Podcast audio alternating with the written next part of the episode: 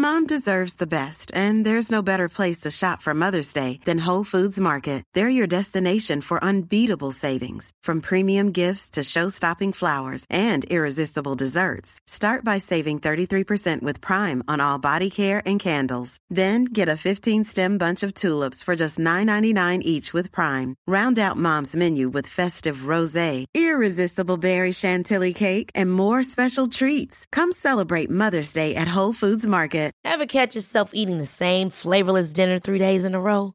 Dreaming of something better? Well, HelloFresh is your guilt-free dream come true, baby. It's me, Kiki Palmer. Let's wake up those taste buds with hot, juicy pecan-crusted chicken or garlic butter shrimp scampi. Mm. Hello Fresh. Stop dreaming of all the delicious possibilities and dig in at HelloFresh.com. Let's get this dinner party started. Burrow is a furniture company known for timeless design and thoughtful construction and free shipping, and that extends to their outdoor collection. Their outdoor furniture is built to withstand the elements, featuring rust-proof stainless steel hardware, weather-ready teak, and quick-dry foam cushions. For Memorial Day, get 15% off your Burrow purchase at burrow.com slash ACAST and up to 25% off outdoor. That's up to 25% off outdoor furniture at burrow.com slash ACAST. Hej och varmt välkommen till Soulcare-podden by Ulla Moon.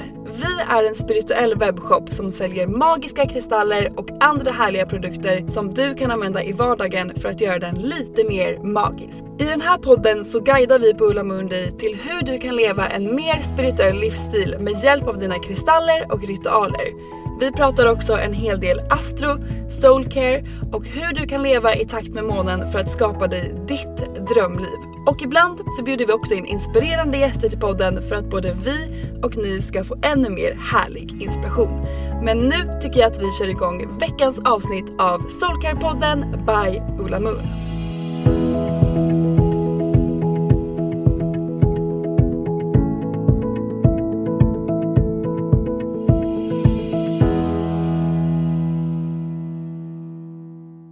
Glad onsdag på er och eh, välkomna till ännu ett härligt avsnitt av Soulcare Podcast. Jag som sitter bakom micken idag heter ju Therese och jag har med mig en otroligt härlig gäst. Det här är ju en eh, dels nybliven vän till mig men också en otrolig, otrolig författare som idag när det här avsnittet släpps, släpper sin andra roman. Välkommen hit Cassandra Brunstedt! Tusen, tusen tack! Vilken fin beskrivning. Ja, nej men alltså vi är så glada att du ville komma och gästa oss och det är ju faktiskt idag onsdag, liksom releasedag. Ja, För ja. din andra bok. Det känns helt galet. Ja, nej men alltså. Det, jag blir lite pirrig typ bara jag Ah. tänker på det för att det är ju otroligt stort. Ja, eh, det är, eh, innan vi satte igång ljudet här så sa jag det att det är så himla pirrigt och pepp och så roligt och fantastiskt och alla eh, så. Men det är också så himla nervöst för jag har ju fortfarande, nu är den ju ute men jag har ju inte hunnit fått de första liksom, recensionerna så. Ah, Eh, just det. Och, eh, Ja, men som jag sagt till dig tidigare lite grann, att det är så speciellt, du som också skriver, Mm. men att eh, just när man skriver bok, då ska alla människor tycka till. Det är liksom en sån produkt. Mm. Om man målar tavlor, då kanske man köper en tavla om man gillar den. Men om man inte gillar den så säger man ju inte så här, skriver på hemsidan så här, det här var en riktigt dålig, ful tavla. Men när man ger ut en bok, då måste man vara beredd på att eh, man både kan få ros och ris såklart. Eh, och det är är läskigt. Det är jätteläskigt för att eh, man är inte så van det. Du vet, man kanske går på medarbetarsamtal och får höra någonting man kan jobba med, någonting som är positivt och så. Men i livet är det inte så ofta som man stöter på att någon säger någonting om något man har lagt ner hela sin själ, sin energi, sin tid, sitt engagemang under så lång tid. Och så är det någon som bara Nej men jag tyckte den var riktigt dålig, eh, ingen bra start, fångade mig inte alls. Alltså så. Och Ja, nu har inte nej. jag fått sådana men ändå, man Ja. blir bara så här. Åh, det är läskigt! Ja men det är det ju. Och eh, bara för att så här, jag kan ju nästan förstå vad svaret kommer bli på den här frågan men jag brukar starta med att fråga gästerna hur känns dagsformen idag? Den känns bra. Eh, vi pratade ju lite innan och gillar ju dagar och sådär. Och just det här datumet Mm. ska ju vara eh, den lyckligaste dagen på hela året. Ja, typ både så. Ah. i liksom 11 och 12 april. Eh, förra veckan så gästades vi av eh, vår astrolog Josefina. Mm. Hon pratade lite specifikt om det här energierna som är Ah. och att det handlar mycket om så här flyt, tur, Mm. framgång. Alltså det är, planeterna ligger på ett sätt så att de energierna är verkligen otroligt påtagliga just nu. Ja, men jag har redan tagit lite inspired action i morse faktiskt. Ah. Har du det? Ja det har jag. Jag, jag känner att jag ska våga lite. Ah. Ehm, så att det känns ehm, otroligt spännande. Ja men jag tycker också det. Och solen skiner. Det är en härlig dag. Jag sitter här. Jag eh, är ju tvåbarnsmamma och har väldigt små barn. Så jag åkte hit lite tidigare, tog en kaffe i solen, bara strosade runt på gatorna. Och eh, när jag kommer till det här kontoret, det var doft av Paolo Santo och det är kristaller överallt. Och jag bara kände så här, hur kan den här dagen inte bli annat än hur bra som helst? Nej men precis, förutom vårt lilla ljudproblem som vi hade i början här då, men det löser sig. Exakt. Eh, men jag tänker så här, vi har Dream Big-tema den här veckan på Wow. Ulla Moon och det känns ju väldigt så här, passande att du är gäst i podden till ett sånt här tema. För att egentligen hela din eh, författarresa och speciellt en grej som vi ska hoppa in på lite senare, det är hur du fick ditt bokkontrakt. För att det är verkligen en Dream Big-historia Ja. Deluxe, Det det. måste jag säga. Men jag skulle vilja veta lite så här. när började din dröm om författarskapet? Ja, den har egentligen varit med ända sedan jag var liten. Jag var en sån här, ett skrivande barn så att säga. Så jag skrev alltid från dagböcker till, gjorde små såna här böcker som man häftade ihop. Du kanske har gjort något liknande. Jag fnissar för att jag gjorde precis likadant. älskade att berätta historier och jag berättade mycket Alltså bland mina vänner så är jag typ känd ganska, inte liksom, när jag var gammal men fram till jag kanske var 13 att jag ofta berättade spökhistorier för alla.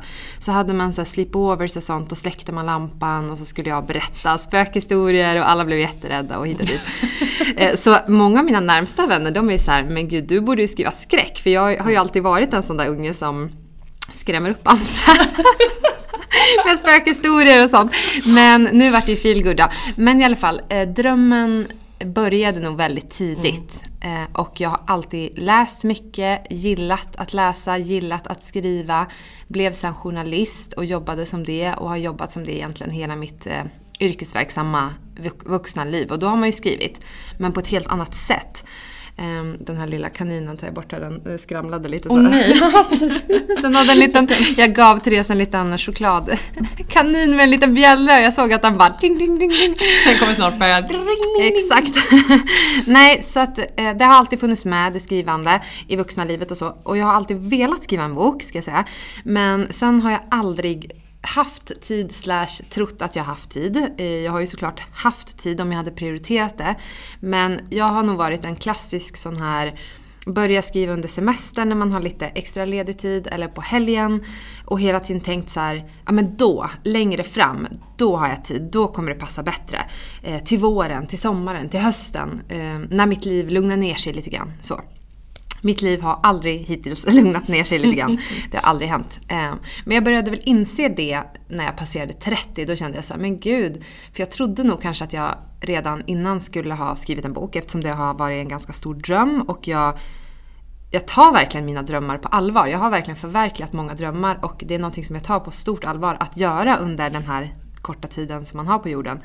Eh, men just den här drömmen, den har påbörjats men aldrig slutförts. Utan jag har påbörjat manus men aldrig eh, gjort något av dem. Och när man tar upp ett manus som man kanske inte har sett på ett tag, ofta kanske man tycker det är ganska dåligt om man inte har jobbat igenom det och redigerat det. Och då tappar man ju motivationen helt och slutföra det.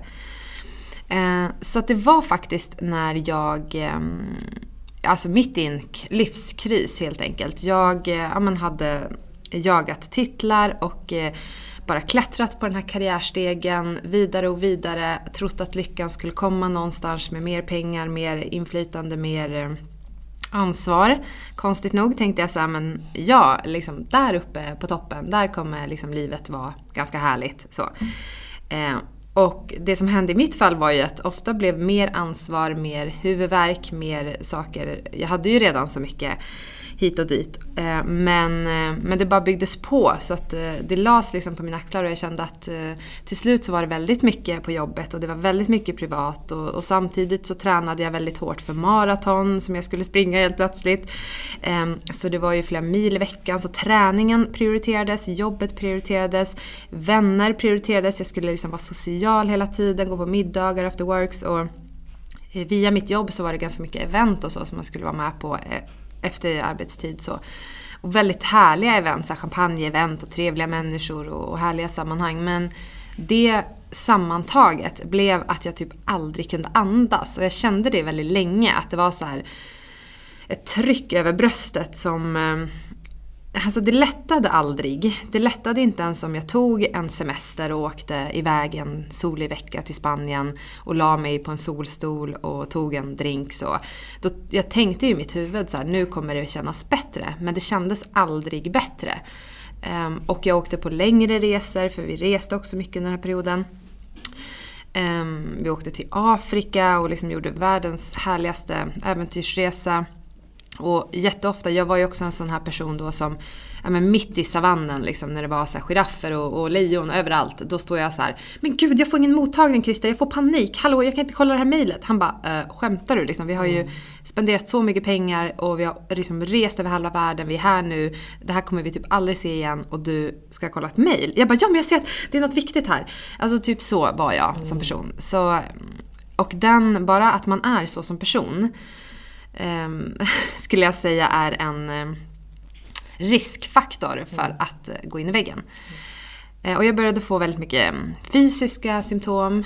Det här hjärtklappning var ju en sak och jag liksom kände massa typer av sådana stresssignaler. Jag tappade väldigt mycket hår, alltså verkligen typ halva mitt hår. Det var bara så här, vad händer? Ehm, och ehm, ja, men det var det ena med det andra så jag började gå till olika läkare och eh, också alternativa läkare för jag var väldigt spirituellt lagd då också men levde inte ett sånt liv. Ehm, så att jag försökte ju göra mig frisk. Jag försökte också äta nyttigt, vad jag tyckte var nyttigt då. Mycket kalla sallader, eh, smoothies på frukt och grönsaker och så. Det jag kanske inte associerar med eh, hälsa idag. Det är inte vad, vad jag äter för att min kropp ska må bra. Alltså, den måste ju verkligen processa den här maten och det var bara råa grönsaker hela tiden. Och det förstår jag idag kanske inte var så snällt mot den här kroppen som kämpade och sprang hela tiden och skulle släcka bränder på jobbet och, och hemma och hit och dit. Så att eh, det var en dag när jag kände att eh, jag, det här går inte mer. Alltså det, det gick inte fysiskt och det gick inte psykiskt. Och eh, det var ju såklart en utlösande faktor som gjorde det. Men ändå så tror jag att eh, jag förr eller senare hade kommit hit. Men i alla fall så sa jag upp mig från det här jobbet från ena dagen till den andra. Och så tänkte jag att nu kommer det kännas bra. Men så kändes det inte bra då heller, utan då kändes det rekorddåligt. Alltså då då hade jag faktiskt aldrig mått så dåligt. För att jag hade ju ändå frivilligt sagt upp mig från ett jobb som jag ändå tjänade mycket på. Jag hade ju ändå klättrat hit och, och verkligen försökt att ta mig till en viss position och lyckats. Och jag var ju ändå lyckad i både mina egna och andras ögon så jag kände så här, Och så bara raserade jag allting. Allt jag hade byggt upp eh, var ju borta. Och eh, jag stod, eller mm, mm, ja, men var hemma och kände mig skitmisslyckad. Jag var första gången i livet så var jag arbetslös och jag hade ju inga, liksom, ingen alls tanke på vad jag skulle göra framåt. Eh, mådde väldigt dåligt i mig själv och så sen så dog min pappa väldigt plötsligt. Eh, från den ena dagen också till den andra. Helt utan förvarning så livet pågick i ena sekunden och i andra sekunden så hade hans hjärta stannat och eh, han var död väldigt ung, alltså så, som våra föräldrar är ändå. Eh, och då hände det. Och så vart det liksom en stor sorg, eh, med den här typen av depression som jag hade hamnat i. Så att det var, det var väldigt tufft och tungt och eh, Nej, jag kände att alltså, jag visste verkligen inte vem jag var. Så kände jag. Alltså, jag hade typ inte kunnat beskrivit mig själv. För jag var såhär, gud, alltså, jag vet inte vad jag vill, jag vet inte vem jag är och jag vet inte vart jag ska. Jag hade liksom inga sådana här riktningar framåt och eh, det enda jag visste var att jag vill inte leva det liv som jag har levt hittills. Så det visste jag. Eh, och sen tror jag att det var en slump eh, att det blev Indien. Men, eh, för jag kollade på lite olika ställen. Jag ville i alla fall resa bort och eh, Kollade också på New York, det hade ju blivit något helt annat då. Men det är ofta så, och jag kan tänka så här, eh, alltså jag tror ju inte riktigt på slumpen utan Nej. jag tror ju verkligen så här, även om det känns som en slump Ja. i stunden så blev du ju säkert guidad till Ja. att åka just till Indien precis som att din intuition sa till dig jag Precis. måste säga upp mig. Ja. Eh, alltså jag har Verkligen. gjort så många gånger sånt också när jag flyttade till USA. Mm. Så hade jag, det stod mellan LA och New York och jag visste liksom inte vart tar jag vägen. Mm. Jag la två lappar i en hatt, kastade rakt upp och så sa jag, jag tar den som ligger kvar i hatten och där stod det LA. Och jag var ju, det var ju meningen. Exakt, exakt. Men okej, så då blev det Indien. Då var det Indien och eh, då så åkte jag dit och det var ju inte alls självklart med tanke på att jag var ju mitt uppe i eh, ja, men, eh, planera begravning för pappa, allt som kommer med ett eh, dödsfall i familjen, man ska städa ur huset, man ska... Ja, det är väldigt mycket praktiska saker att ta tag i. Och eh, jag har ju en bror då, så jag delade det ansvaret med honom. Men jag kände ändå väldigt mycket ja, men så här skam och skuld att jag ens ville åka iväg på typ en nöjesresa som jag eh, ändå får beskriva det som. Det var ju så det var tänkt i början, att komma bort och liksom ha det lite härligt så. Eh, någonstans i solen. Eh, och ehm, att jag ens funderade på det efter att han hade dött var väldigt, eh, ja men det var tufft liksom för jag var ändå så här utåt, nej men gud jag tänker inte åka längre. Men jag kände ju ändå att jag ville åka. Och sen så slutade det med att min familj var väldigt eh, bidragande till att jag kom iväg. De var väldigt såhär, men du måste iväg, du, alltså åk, åk, åk. Och då gjorde jag det. Eh, och så åkte jag. Eh, och eh, hade en enkel biljett till Indien. Jag hade inte bokat hemresan än men jag visste att min man då skulle komma efter ungefär en månad och möta upp mig där och så skulle vi resa runt tillsammans eh, i Indien. Och under tiden han inte var där så skulle jag utbilda mig till yogalärare. Eh, och bo på ett väldigt enkelt eh, ställe. Det fanns massa att välja på men jag kände att jag ville eh, leva väldigt ashramlikt. Eh, och det stället som jag åkte till det var väldigt enkel eh, ayurvedisk, eh, ayurvediska grytor varje dag och 12 timmars dagar med liksom flera timmars meditation varje dag. Vi gick upp klockan fem på morgonen. Det var väldigt strikt. Och jag blev jätterädd för det är en sak att läsa på papper och tänka så här, jo men vadå meditation har jag hört att man mår bra av och yoga ska man ju må bra av så att det här blir säkert bra. Men sen där och då när man går upp fem på morgonen och är svintrött, har sovit på världens enklaste typ säng som är stenhård. Eh, Man har hört liksom massa djur utanför stå och yla, hundar och diverse. Och man bara, jag är så trött, jag vill ha en kaffe, det fanns inget kaffe. Jag får något örtte. Alltså, har aldrig haft den typen av livsstil ens hemma. Och så ska man där eh, meditera flera timmar om dagen. Det var jättejobbigt. Eh, jag kommer ihåg första veckan var verkligen så här Ja men gud, vi hann ju inte ens vara på stranden som jag hade sett framför mig att jag ville vara på. Det var ju soligt och så men vi hade ju lunch, en lunchbreak. Eh, och då kunde man, hade man tur så kunde man ta en promenad då liksom på stranden. Men annars var det ju aldrig att jag kunde ligga där i tre timmar eller så. Utan jag hade ju bokat upp mig på det här och det livet väntade och det var supertufft mitt i en sorg och depression. För det du helst vill då, det är ju att lägga dig ner och vila och tycka synd om dig själv och eh, kanske gå igenom allt som har hänt. Alltså du vill ha tid att reflektera och så. Men, så jag ville ju verkligen inte vara aktiv på det här sättet. Alltså min kropp var så ah gud vad jobbigt det här är. Hela tiden fick jag gå emot den känslan och bara infinna mig på plats. Och så ja men i början så var det faktiskt att genomlida sakerna för jag tyckte inte det var särskilt kul heller. Jag kände så här, gud alla andra är mycket bättre än mig och eh, då kom det här prestationstänket in. Eh, jag hade ju inte yoga särskilt mycket någon gång så.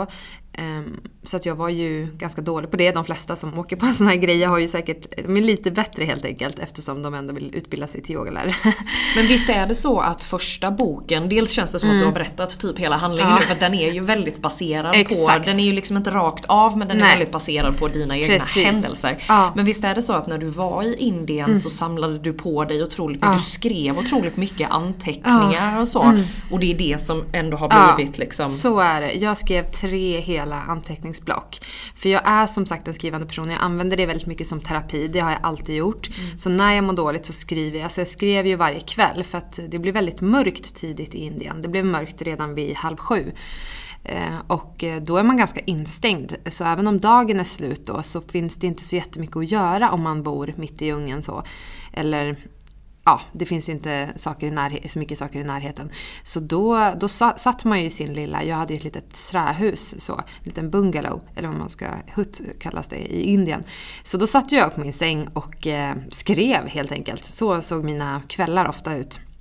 Eh, så, så det blev väldigt många böcker och när jag kom hem från Indien då hade det hade ju hänt någonting i mig och det var ett stort skifte även om, som jag brukar beskriva, det var ingen så här feel bok att, att jag åkte dit och så var det så här ding, uppvaknande, andligt uppvaknande, nu åker jag hem och eh, resten av livet blir bra.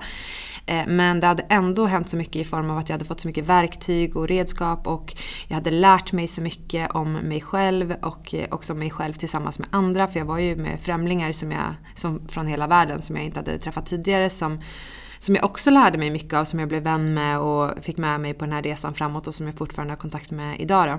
Så när jag kom hem så var väl inte tanken att eh, att det skulle bli en skönlitterär bok. Eh, jag var lite så här, men jag vill liksom dra, eh, förmedla vidare de här kunskaperna som jag hade fått med mig. Men kanske i form, jag visste nog inte riktigt, men kanske i form av en fackbok då.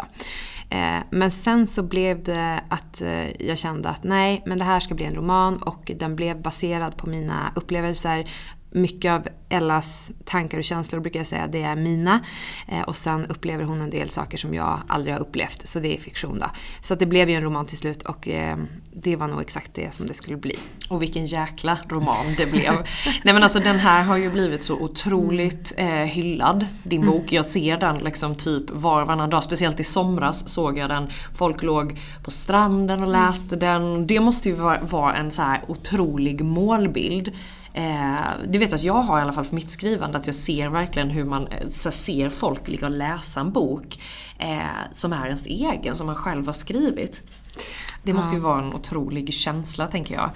Ja, och, och sådana där bilder får jag faktiskt skickad till mig hela tiden av följare på Instagram. De, de um, smygfotar typ på bussen och bara “kolla din bok” och sådär. För jag ser ju inte det själv, men jag har fått så mycket sådana bilder och jag blir så glad varje gång de gör det. Eh, det betyder verkligen så mycket att, att det är så många som har tagit emot den och att den har spridits så eh, från mun till mun. För det är verkligen på så sätt att man har tipsat en vän eller en mamma eller en moster. Liksom, och, och de har också köpt boken som man själv har gillat. Det, det, är helt uppenbart att det är så den har spridits, verkligen. Så, mm. Ja men så härligt. Men eh, jag tänker så här, för när man sitter med alla de här anteckningarna och man har liksom, alltså det blir ett virrvarr i huvudet när man ska försöka få ner det här till en bok. Och så när du har bestämt dig att så här, det här blir en skönlitterär bok, det blir en roman. Gjorde du någon så research? Jag vet du har sagt att du har lyssnat på massa skrivpoddar och sånt. Alltså hur, hur gick den processen till? För att jag vet ju att det tar tid. Mm. Eh, det tar sinnessjukt ja. lång tid. Ja. Eh, ett råmanus kan man ju knåpa ihop ganska fort. Exakt. Men jag är lite nyfiken på så här, Mm. processen till att okej okay, nu ska du har bestämt dig, mm. du skriver en roman. Nu då? ja, nej men jag började att skriva och parallellt så försökte jag lära mig eh, konsten att skriva en bok. Eh, som du säger så är det något helt annat än eh, till exempel det jag hade gjort tidigare, artiklar, reportage och så vidare. Så jag gjorde så som jag tycker att man ska göra. Man ska se hur andra har gjort tidigare. Så jag lyssnade på skrivpoddar, det finns sådana skrivbloggar, debutantbloggen och så vidare. Läste också skrivböcker, att skriva böcker. Eh, Stephen Kings Att skriva blev verkligen någon slags, ehm, som jag utgick ifrån väldigt mycket. Mycket av hans åsikter i den kände jag så här, ja men det, det kunde jag hålla med Eller jag, jag, tyckte att han hade rätt i det så jag lyssnade väldigt mycket på den. Och sen började jag bara skriva. Eh, och eh, det gick ganska bra. Eh, ganska snabbt gick det. Eh, på några månader, sen vart jag gravid också, jag fick också ett heltidsjobb ganska snabbt. Så att det gick lite saktare kan man säga. Men i början satt jag ju och skrev 8-10 timmar per dag. Det bara så här forsade ur liksom. Sen så saktades det ner när jag började på det här heltidsjobbet då såklart. Det är väldigt kämpigt såklart att de flesta, allra flesta, de skriver ju på sidan om ett heltidsjobb. Eh, och eh, det är där tiden försvinner när man jobbar med någonting åtta timmar per dag. Och det gjorde jag då. Men eh, ändå hade jag kommit så pass långt för första gången i livet att jag kände att nej, det här, den här vill jag inte ge upp. Den här vill jag fortsätta med. Och jag tror att det var därför också jag fortsatte. För jag upplevde det som att jag hela tiden, varje den här veckan, så försökte jag insupa eh, inspiration i form av såna här poddar. Så att jag följde verkligen alla skrivpoddar eh, slaviskt och kom det nya avsnitt så var jag såhär yes! För att de var ju ofta i samma skede som jag själv var. och hade samma problem och jag kände att, eh, men gud, tänker hon också sådär? Och man inser att man är så lika även i skrivandet. Eh, och det var verkligen som någon typ av vän på vägen som följde mig. Men eh, ja, sen så blev det en bok efter några månader en, ett grovmanus som du säger och jag har jätte, jättedåligt tålamod. Jag är verkligen så lagd. Eh, så jag kände ju jag vill skicka in den här nu. Men då hade jag hört på så många ställen att nästan alla skickar in sitt manus för tidigt. Och då var jag så här: okej, okay, jag vill inte skicka in för tidigt, jag vill vänta lite grann, avvakta. Så jag började redigera. Och eh, tyckte inte om det så jättemycket. Det är där mardrömmen börjar. exakt, exakt. Och många älskar ju det här, men för mig var det så, det var så kreativt och roligt att skriva berättelsen.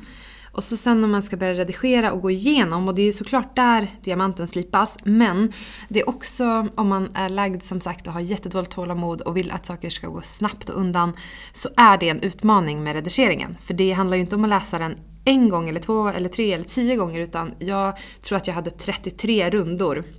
Då får man ju tänka att varje runda för mig tog kanske Ja, nej men alltså det, det handlar inte om dagar bara, utan det var veckor. Ehm, och på slutet läste jag hela historien högt flera gånger. och då kanske man hinner, ja, ja, men så fem, sex kapitel per dag när jag satt så. För att verkligen gå igenom varenda ord och så hör man när man läser det högt, oj det här låter inget bra så måste man ändra och så. Eh, så jag gjorde väl verkligen jobbet och sen så tog jag också hjälp av en lektör som man kan göra.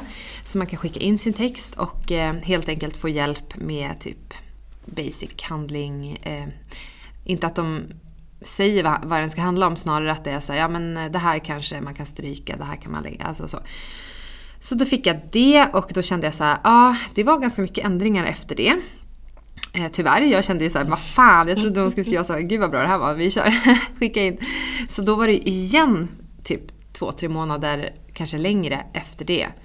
Och sen kom det en dag då jag kände så här, nej, men nu jäklar är det här klart. Och jag vill aldrig mer på riktigt se det här manuset om det inte är så att jag får ett kontrakt. För jag var så jäkla less på det. Um, och då kände jag så här, nej men nu, nu kör vi. Mm. Mm. Och, men under den här processen när det skickades, innan det skickades in och så. För att eh, jag vet ju också att du är ju spirituellt lagd. Mm. Eh, och kristaller har ju varit en del av mm. processen också. Ja. Är det några kristaller som du specifikt hade med dig när du skrev första boken? Du har ju tagit med dig några mm. faktiskt. Ja, nej men det är den kristallen rökkvarts som är med i handlingen. Eh, den har jag haft, jag har den i jättemånga olika ut. Det här är en stor, vad kallas det? är en touchstone är det. Mm. Mm. Väldigt, fin. Nej men den har, har jag i massa olika uppsättningar. Den eh, kan ju kännas lite tråkig kanske. Den ska ju rensa bort negativa energier, mm. skingra dåliga tankar. Eh, så, så att man kan ju känna så här, det här, är det här en sten för en deprimerad? Och det var, var jag ju i och för sig. Men den handlar ju också otroligt mycket, den är ju kopplad till rotchakrat som ah. handlar mycket om grundning och så. Ah, och det är ju otroligt viktigt när man väl sätter sig in i en sån här process som ah. är otroligt energikrävande. Mm. Ja. Eh, så. Och jag hade ju läst eh, för många år sedan att det här är en av de kraftfullaste stenarna, kristallerna i universum. Att den mm. har den här naturliga gammastrålningen i sig från när eh, liksom jorden skapades. Så, så att eh, det tror jag är en sak som jag connectade med. Men också framförallt att men vi människor och jag har, man har ju en tendens att snöa in på den kritiska rösten och det negativa. Och ganska ofta när man skriver en bok, det kanske känns jättebra en dag, men, och det har jag pratat med dig om, jag har ju en jättestark självkritisk röst. Den är otroligt mycket starkare än den positiva. Även fast jag hela tiden matar den positiva så har jag en tendens att hela tiden komma tillbaka till det här. Men det här är inte bra nog, ingen kommer vilja läsa det här. Ehm, Lägg ner, det här alltså blir inte bra. Eh, ja men typ sådana tankar typ hela tiden. Typ egot som sitter på ens axel mm. och bara “men hörru du du”. Exakt, exakt så. Och den kommer till mig hela, hela tiden. Och jag har ju insett att det är ingenting som någonsin kommer försvinna. För förut har jag väl tänkt sen, nej men jag jobbar med det här och jag gör det hela tiden. Men det är ändå någonting som, och jag har en ganska stark sån muskel nu att jag kan Eh, ifrågasätta den och säga så nej men det här är inte sant. Alltså det här kommer visst bli jättebra, typ så. Men den är, den finns där hos mig hela, hela tiden och den, eh, är väldigt stark. Så därför tänkte jag så här, ja, men rökkvartsen för mig, den representerar, om jag håller den då känner jag så här, nej nu skingras det här mörkret som försöker Ready to pop the question? The jewelers at BlueNile.com have got sparkle down to a science with beautiful lab grown diamonds worthy of your most brilliant moments. Their lab grown diamonds are independently graded and guaranteed identical to natural diamonds, and they're ready to ship to your door. Go to BlueNile.com and use promo code LISTEN to get $50 off your purchase of $500 or more. That's code LISTEN at BlueNile.com for $50 off. BlueNile.com code LISTEN. Ryan Reynolds here from Mint Mobile. With the price of just about everything going up during inflation, we thought we'd bring our prices down. So to help us, we brought in a reverse auctioneer, which is apparently a thing. Mint Mobile unlimited premium wireless. Ready to get 30, 30, bit to get 30, bit to get 20, 20, 20, bit to get 20, 20, bit to get 15, 15, 15, 15 just 15 bucks a month. So, Give it a try at mintmobile.com slash switch. $45 upfront for three months plus taxes and fees. Promo rate for new customers for limited time. Unlimited more than 40 gigabytes per month. Slows. Full terms at mintmobile.com. Millions of people have lost weight with personalized plans from Noom, like Evan, who can't stand salads and still lost 50 pounds. salads generally for most people are the easy button, right? For me, that wasn't an option. I never really was a salad guy. That's just not who I am. But Noom worked for me. Get your personalized plan today at Noom.com. Real Noom user compensated to provide their story. In four weeks, the typical Noom user can expect to lose one to two pounds per week. Individual results may vary. Here's a cool fact a crocodile can't stick out its tongue. Another cool fact you can get short term health insurance for a month or just under a year in some states. United Healthcare short term insurance plans are designed for people who are between jobs, coming off their parents' plan, or turning a side hustle into a full time gig. Underwritten by Golden Rule Insurance Company, they offer flexible, budget friendly coverage with access to a nationwide network of doctors and hospitals. Get more cool facts about United Healthcare short term plans at uh1.com. Everyone knows therapy is great for solving problems, but getting therapy has its own problems too, like finding the right therapist, fitting into their schedule, and of course, the cost. Well, BetterHelp can solve those problems. It's totally online and built around your schedule. It's surprisingly affordable too. Connect with a credentialed therapist by phone, video, or online chat, all from the comfort of your home. Visit betterhelp.com to learn more and save 10% on your first month. That's BetterHelp H E L P. få mig att tro att jag inte är bra nog, att det här inte duger, att det här aldrig kommer bli något. Och så sen så känner jag lite lugn inom mig att det är så här, "Huh, nu eh, kan jag andas och nu kan jag faktiskt se nyktert på den här texten. För ofta ser man inte sin egen text. Man brukar säga att ens egen text kanske är 50% bättre än vad den egentligen är för att man är så självkritisk. Det är jag verkligen inte ensam om utan de flesta skrivande personer känner så att så här, det man skriver är inte särskilt bra. Sen tycker man det kanske efter 33 redigeringsrunder Mm, men mm. man behöver också under tiden påminna sig om att det behöver inte vara jättebra nu. Men det kommer att bli det. Och det är väl det som är svårt för mig, att jag känner så här men fan vad det här är dåligt just nu. Och då tänker jag att det kommer inte bli bättre. Men eh, ja, så, på så, så sätt har jag använt eh, framförallt den kristallen som har varit med i som sagt jättemånga år. Och den hade jag också med mig till Indien och därför fick den ha en ganska central roll i min bok också. Ja men såklart, nej men det tycker jag är en otroligt fin kristall och Mm. just det här du pratar om att skyddas från sin egen Mm. negativa Mm. energi. För att oftast kan det ju vara att man behöver skyddas från andras negativa Mm. energi men ens egen negativa energi kan ju Ja. verkligen förstöra mer än någon annan utifrån. Ja. Så det är ju verkligen en bra visualiseringsövning också att hålla en rökkvart, Mm. eh, visualisera hur man liksom bjuder in det här ljuset nästan sluter sig som en bubbla runt den och bara säga så. Mm. Nu lägger vi de här självkritiska tankarna åt sidan och så är det bara jag och min text. Eller vilken situation man nu än vill applicera i livet. Verkligen, verkligen. Okej, men okej, så rökkvarts hade en central roll. Eh, någon annan kristall som du hade med dig eller som har kanske betytt extra mycket under... Jag har ju det här tornet Mm. och det är faktiskt härifrån Ola Moon och sen har jag den här. Det här har varit mina Du vet ju bättre vad de här Mm. heter. Det här är ju grön, ett grönt aventurintorn Mm. och det passar ju sig väldigt bra de här dagarna för det står ju verkligen för, sägs står för tur, eh, ge oss framgång och abundance. Mm. Eh, och bjuda in mer av det som man mår bra av helt enkelt.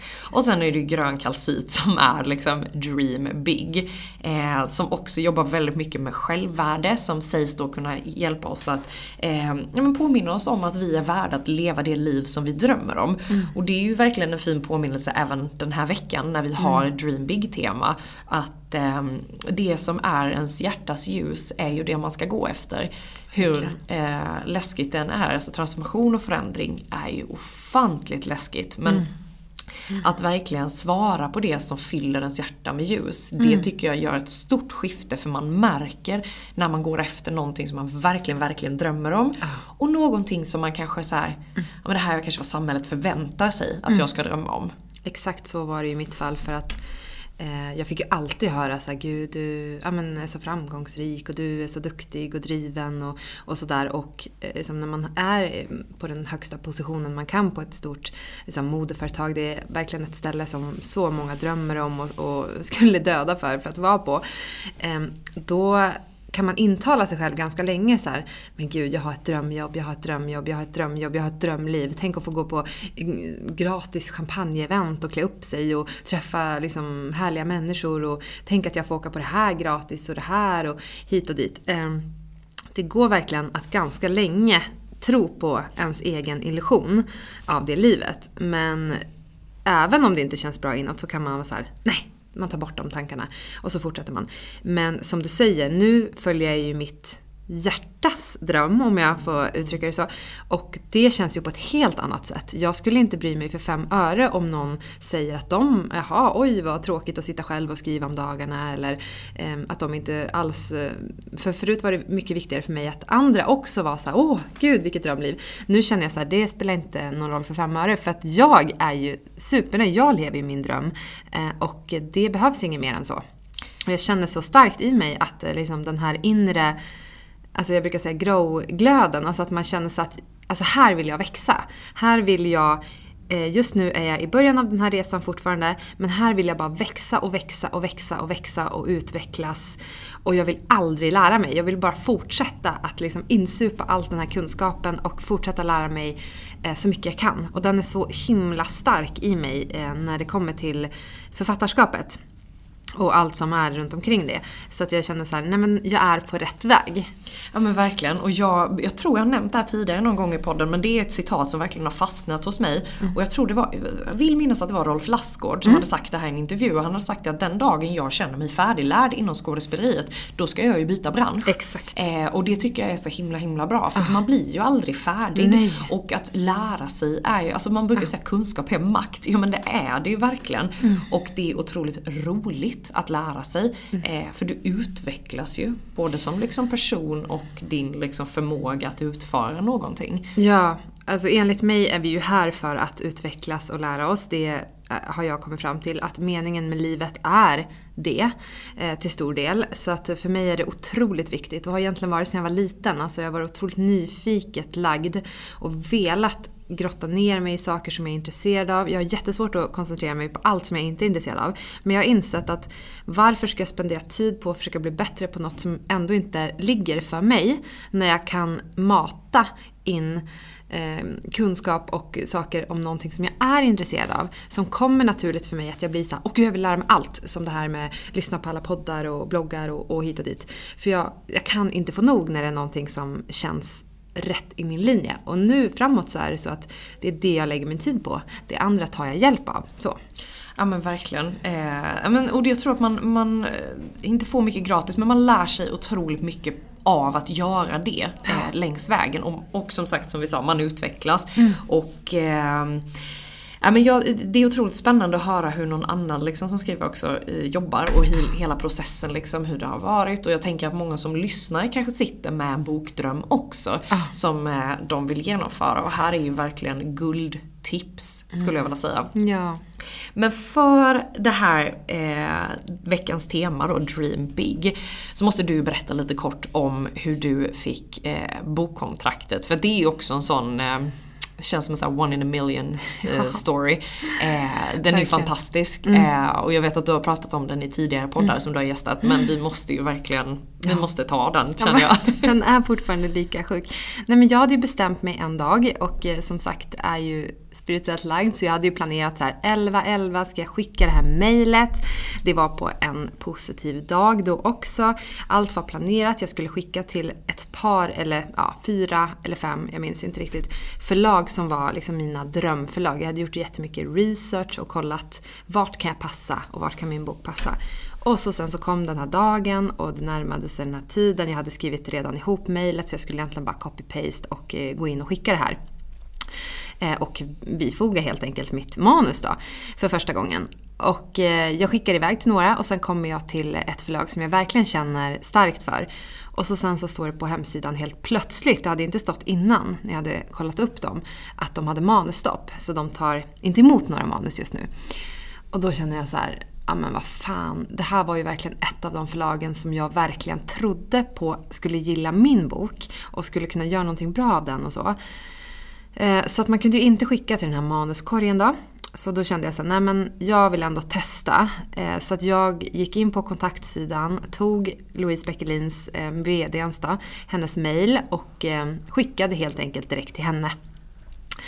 Och sen så hade jag ju skickat de här manusen och de flesta står att man kan få svar, jag tror att det brukar stå mellan tre till sex månader men jag Mm. vet att många har ju också mer än det, sju månader och, och ibland hör de ju av sig. typ ett år, Ett år, liksom, ja. exakt. Så att eh, man ska ju inte räkna med snabba svar. Nej. Och så, Precis. Och det, det enda man hör, det är därför jag också vill berätta det här, det är ju, det är såklart en tröst att det tar lång tid och det är absolut det vanligaste. Men det behöver inte vara så. För att jag ändå kände så att när jag lyssnade på alla de här poddarna, det enda de säger är ju typ så här, ja men det är typ omöjligt att få ett bokkontrakt. Typ så säger man mellan raderna, fast man själv har fått det. Då är det ju inte omöjligt. Men typ så här, det, du kommer inte få det med ditt första manus. Ofta får folk det liksom med andra eller tredje manuset som man måste skriva om. Och det känns ju inte så kul när man skriver en bok som man gillar. Eh, och i mitt fall då var det så här, nej, det är den här boken som ska in. Jag tänker inte skriva jag om det här igen, aldrig i livet. Inte om ingen gillar det här som jag gillar, då kanske jag inte ska ge ut böcker. Så kände jag. Eh, nej men det är ganska negativt och, och det är det liksom överallt. Att det ska vara som det här pyttelilla nålsögat som ingen nästan tar sig igenom. Man säger att förlag får flera tusen manus per år och att en handfull, alltså mindre än fem, får debutanter får kontrakt. Så att det, det är ju en tråkig statistik. Och det tyckte jag också, men jag tog inte till mig den statistiken. Jag kände såhär, nej, alltså det är inte alls omöjligt. Jag läser ju om debutanter och hör om dem hela tiden. Som är med i poddar, men ändå så, så är det mycket fokus på det här svåra hela tiden. Och om man hela tiden matar in sig i hur svårt och omöjligt det är, till slut börjar man ju tro på den grejen. Och därför vill jag berätta att det inte behöver vara det, att det kan vara på ett annat sätt också. Eh, men i alla fall så, eh, ja, så går det en natt då och så sen är jag ute och går med min son Hamilton. Han har blivit, tror jag, sju månader här och vi är ute och går med barnvagnen. Och sen så får jag en notis på telefonen och eh, tar upp den och jag ser ju direkt att det är från hon VDn då som jag hade mejlat.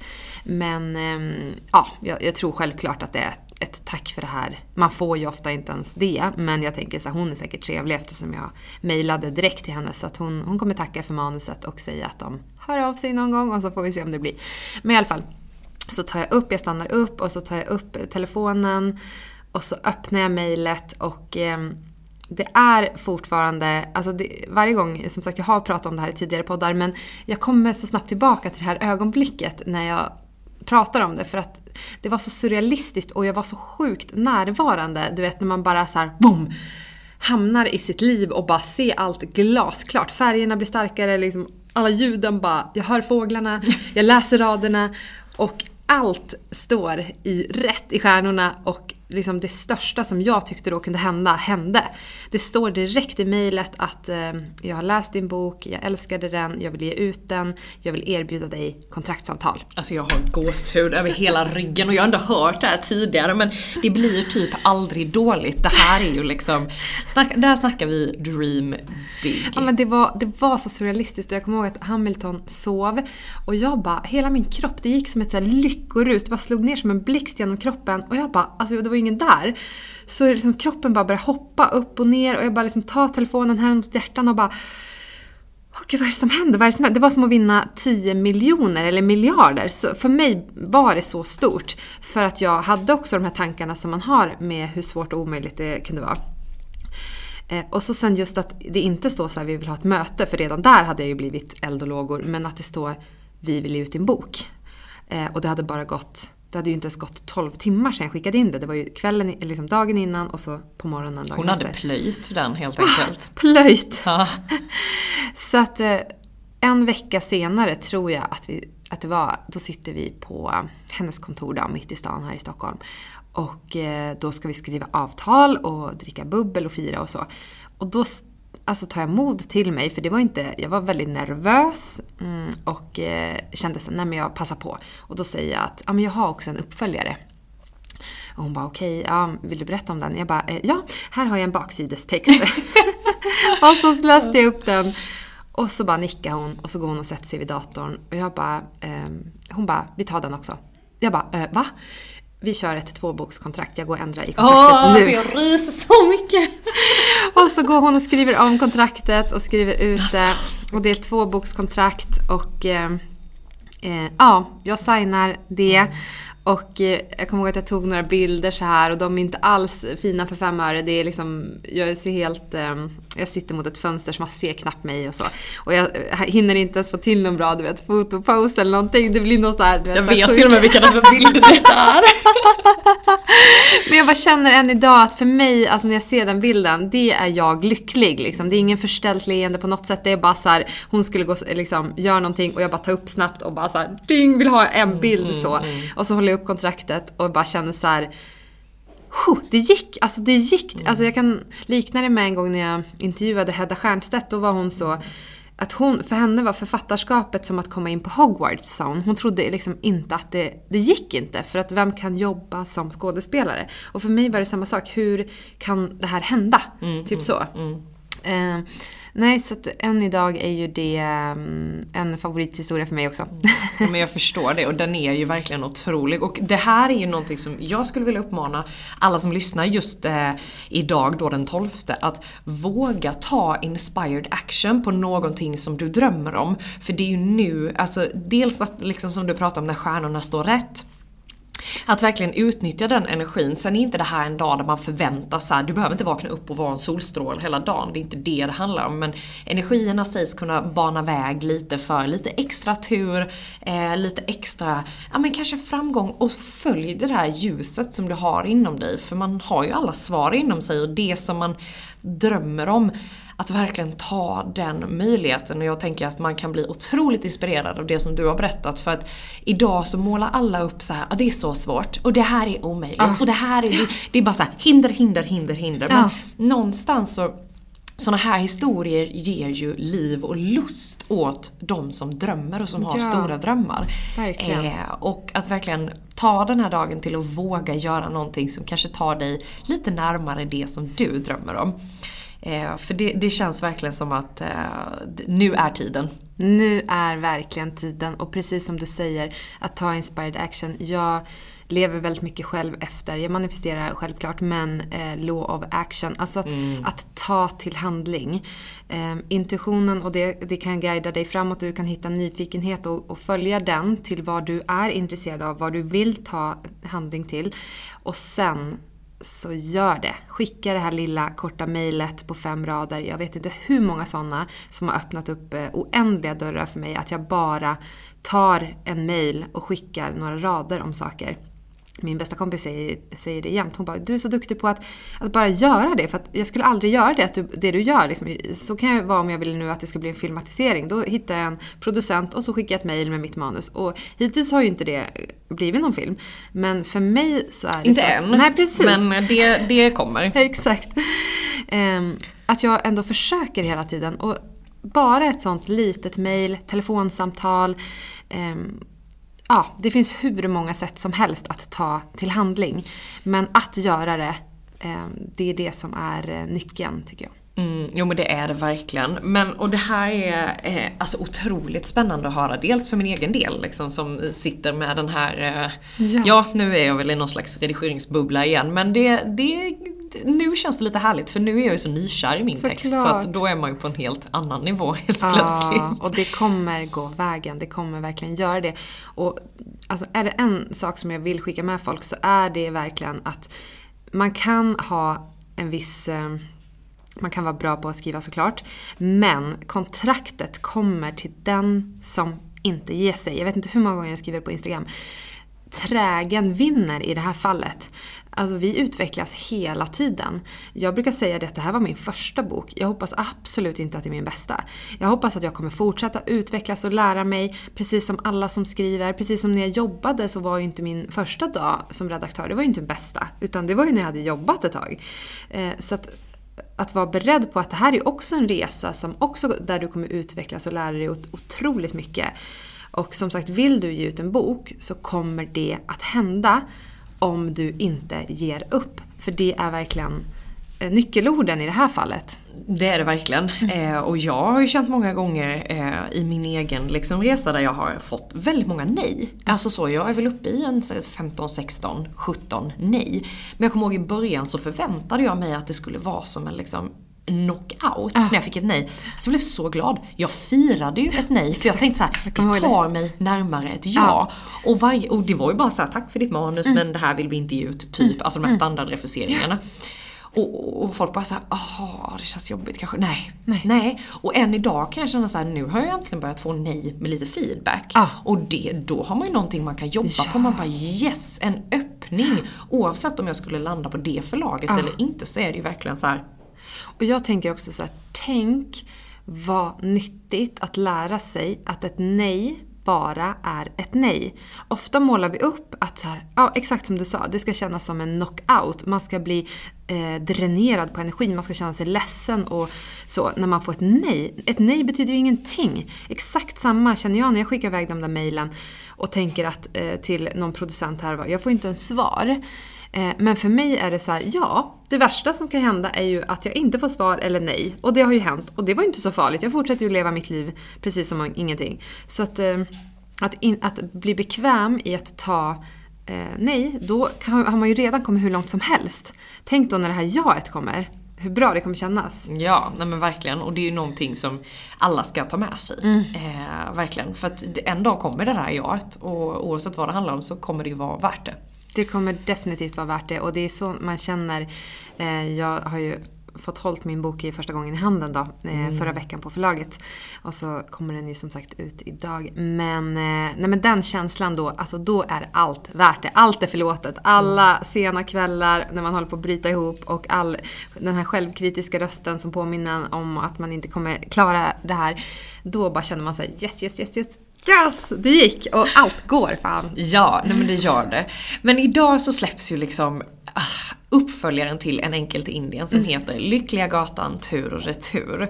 Och det här är ju då, man får ju fortsätta följa Ella men som då är på plats i Sverige igen och har startat upp ett skärgårdsretreat. Eh, vad skulle du säga utan att liksom ge iväg för mycket av handlingen, vad kan man förvänta sig av den här boken? Ja, men lite som i mitt eh, privata liv eh, så tänkte jag nog ganska mycket så här, men nu har jag varit i Indien och lärt mig allt det här och jag hade ju fått en ny riktning, den hade blivit positivare och så. Men jag tror den här orealistiska bilden av att man utvecklas och sen fortsätter man bara att gå uppåt och uppåt. Så är inte livet. Man får inte ett eh, andligt uppvaknande och så sen så blir det liksom bara ljust och bättre. Utan det är väldigt lätt för oss människor att falla tillbaka till gamla vanor, gamla mönster och bli osäker på nytt. Man tar två steg upp och så tar man tre steg ner och så sen så kanske man tar fyra steg upp lite längre fram. Men det går ju så i vågor. Och jag ville verkligen skriva en realistisk bok eh, i hur mitt eget liv såg ut efter jag kom hem eh, från eh, Indien. Och då har det varit så att ja, jag har bättre verktyg idag men hela tiden så får jag ju kämpa och sträva efter att försöka hitta balans i livet och allt det här. Eh, och så är det även för Ella då. Hon tror ju då eh, att det här är den riktiga drömmen. Hon har ju levt det andra trodde, eller tyckte var, var en stor dröm och det samhället verkligen matar oss på ska vara ett drömliv. Och det ville hon inte ha. Precis som mig då. Och då ville hon flytta ut på landet och där ska det ju vara lugnt och skönt och harmoniskt och där ska man ju må bra och det är sommar och eh, nyrenoverad stor gård eh, där hon ska bjuda in folk och få leva sitt hjärtats sanning. Så. Eh, och ehm, hon blir klar med allting och eh, det börjar komma gäster, det fylls på, det är fullbokat. Amit har bokat, han kommer och ska vara meditationslärare över sommaren. Eh, ingenting kunde typ bli bättre. Och sen så kommer ju verkligheten och verkligheten är oftast inte sådär rosaskimrande. Den, eh, det är ganska kämpigt att eh, ha en stor gård att vara ansvarig för.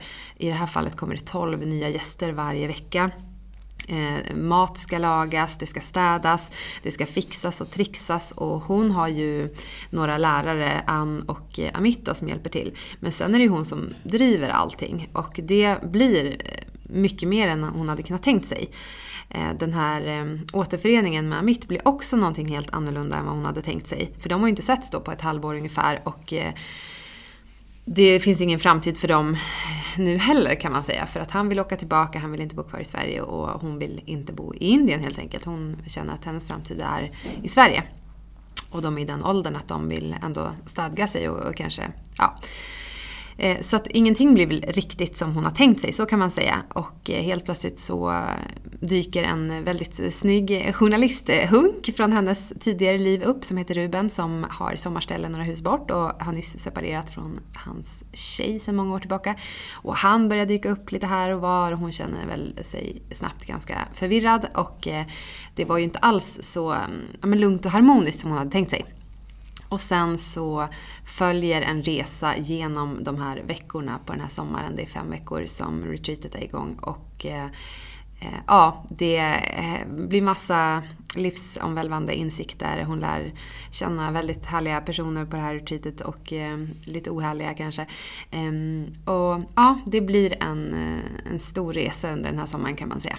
Gud vad spännande. Men jag är så peppad på att få läsa den här boken och den släpps ju som sagt idag.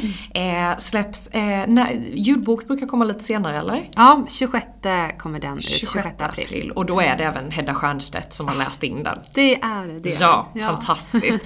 ja men så, så roligt. Jag är så tacksam att du ville gästa oss. Och eh, jag tänker innan vi avslutar så skulle jag bara vilja, i och med att det är Dream Big-tema då, att du ska få skicka med dig, eh, eller skicka med våra lyssnare, ditt absolut bästa Dream Big-tips.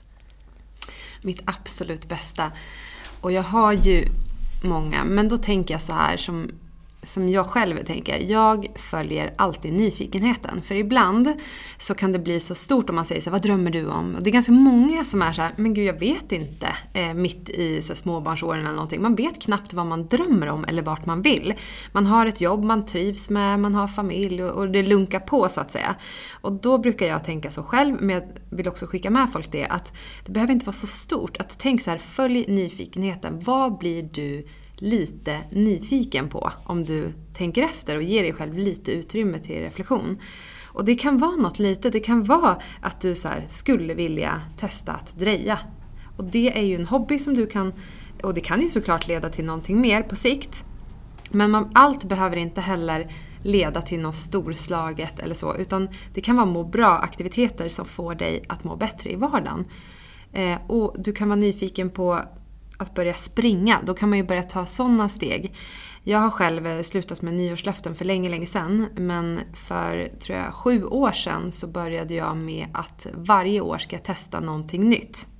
Och då använde jag mig jättemycket av den här nyfikenheten. Och det var så jag en gång började till exempel med maraton och jag började i gymnastik för vuxna och jag började i silversmide ett år och ja, diverse.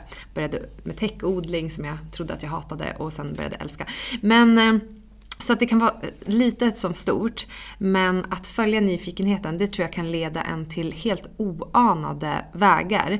Som kan bli hur liksom, stora som helst och det kan också få bli någonting litet och lustfyllt.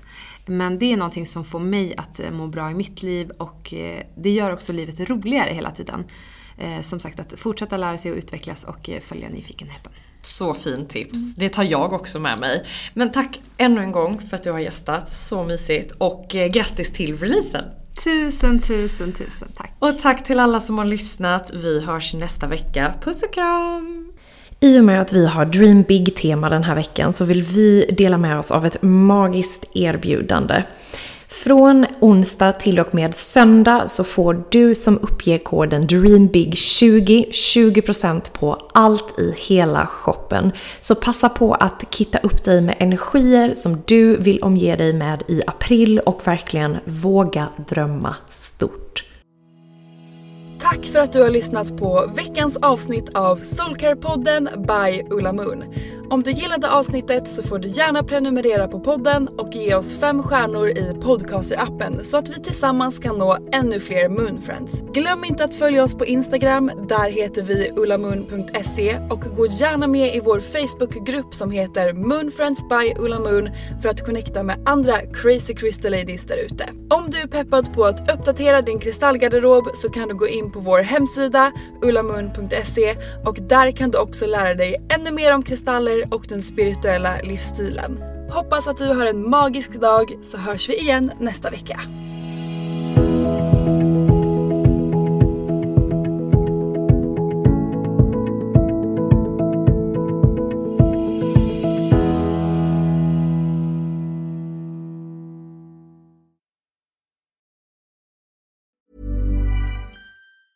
Hey, it's Danny Pellegrino from Everything Iconic. Ready to upgrade your style game without blowing your budget? Check out Quince. They've got all the good stuff shirts and polos, activewear, and fine leather goods, all at 50 to 80% less than other high end brands. And the best part? They're all about safe, ethical, and responsible manufacturing. Get that luxury vibe without the luxury price tag. Hit up quince.com slash upgrade for free shipping and 365 day returns on your next order. That's quince.com slash upgrade. Hold up. What was that? Boring. No flavor. That was as bad as those leftovers you ate all week. Kiki Palmer here, and it's time to say hello to something fresh and guilt-free. Hello Fresh. Jazz up dinner with pecan-crusted chicken or garlic butter shrimp scampi. Now that's music to my mouth. Hello Fresh. Let's get this dinner party started. Discover all the delicious possibilities at hellofresh.com. Hey, it's Paige DeSorbo from Giggly Squad. High quality fashion without the price tag. Say hello to Quince. I'm snagging high-end essentials like cozy cashmere sweaters, sleek leather jackets, fine jewelry, and so much more. With Quince being 50 to 80% less than similar brands and they partner with factories that prioritize safe ethical and responsible manufacturing i love that luxury quality within reach. Go to quince.com slash style to get free shipping and 365 day returns on your next order. quince.com slash style